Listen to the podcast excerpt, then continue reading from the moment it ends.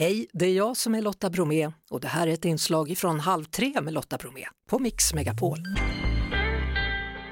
Kalle Michel från Borlänge var första gången med och tävlade i gröt-VM år 2018 och då kammade han hem första vinsten. Han har även deltagit i årets VM då och detta år så hölls det i Skottland. Hallå Kalle!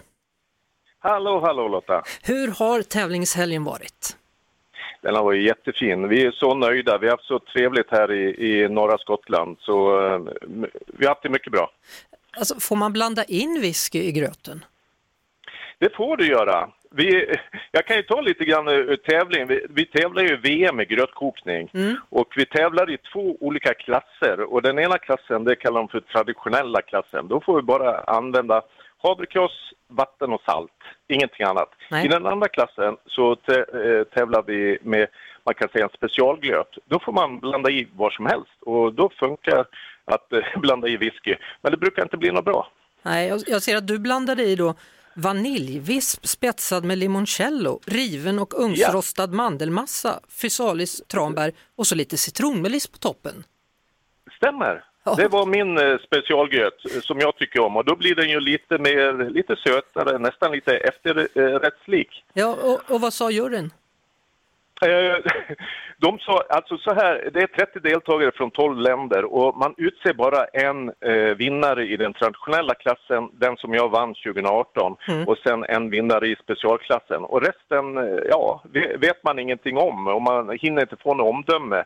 Men eh, både jag och eh, Alice Ljungberg från Halmstad som deltog från Sverige, vi var jättenöjda. Vi gjorde vårt bästa och vi räckte inte till till segrarna Nej. den här gången. Men, men, det var inte så liksom att efteråt så kom det någon, någon jurymedlem och, och, och liksom dunkade i ryggen och sa men den var väldigt bra din gröt? Nej. Eh, oss emellan så var det ju så. Det var så jag, jag, tycker ju själv, jag, jag tycker ju själv min gröt är godast.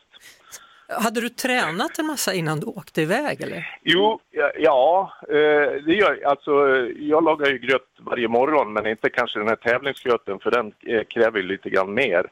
Men eh, testa på vänner och bekanta och sådär och eh, få höra vad de tycker. Och framförallt är det ju min egen magkänsla som har tagit mig. Jag är ju ingen kock så utan det här kör jag på, ja. på fri hand så att säga. Alltså, traditionellt sett så brukar man ju ha havregryn då som bas i gröten men du har ja. havrekross du? Ja, jag kan ju ta eh, de, de som jag ser det, fyra sätten. Eh, det är ju lite tips också hur man kan tillaga själva gröten. Ja. Det jag tycker är godast det är havrekrossen alltså. Mm. Och det traditionellt sett så använder vi inte det här i Sverige så mycket men eh, testa havrekross. Men då krävs det lite mer. Man ska blötlägga över natten och det ska koka 15-20 minuter. Det som jag tycker är näst bäst är ju den vanliga havregrynen som vi har i Sverige och den kokar ju vanligtvis i tre minuter. Det man skulle kunna tänka sig där det är ju att piffa upp den och få den lite mustigare genom att blötlägga över natten och kanske byta ut hälften av vattnet med mjölk. Mm -hmm.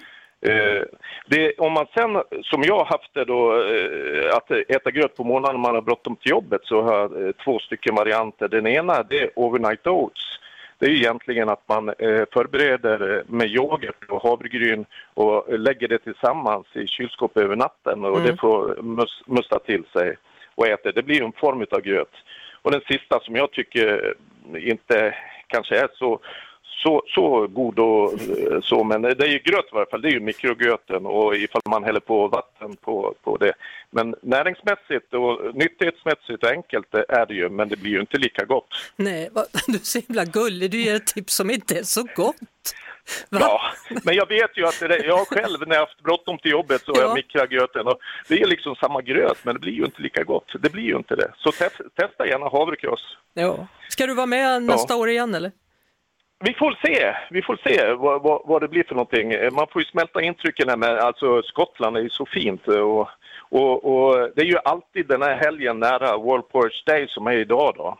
Ja. Så att det, eh, det, är ju lite grann då, och det här enkla, det här nyttiga gröten som, eh, som man skulle kunna använda som efterrätt. Min, min gröt som du räknar upp det, det är ju mer som en efterrätt. Jag förstår det och, och ja. jag tycker du ska leva länge på liksom att den där jurymedlemmen kom fram faktiskt och dunkade i ryggen och sa den var god den där.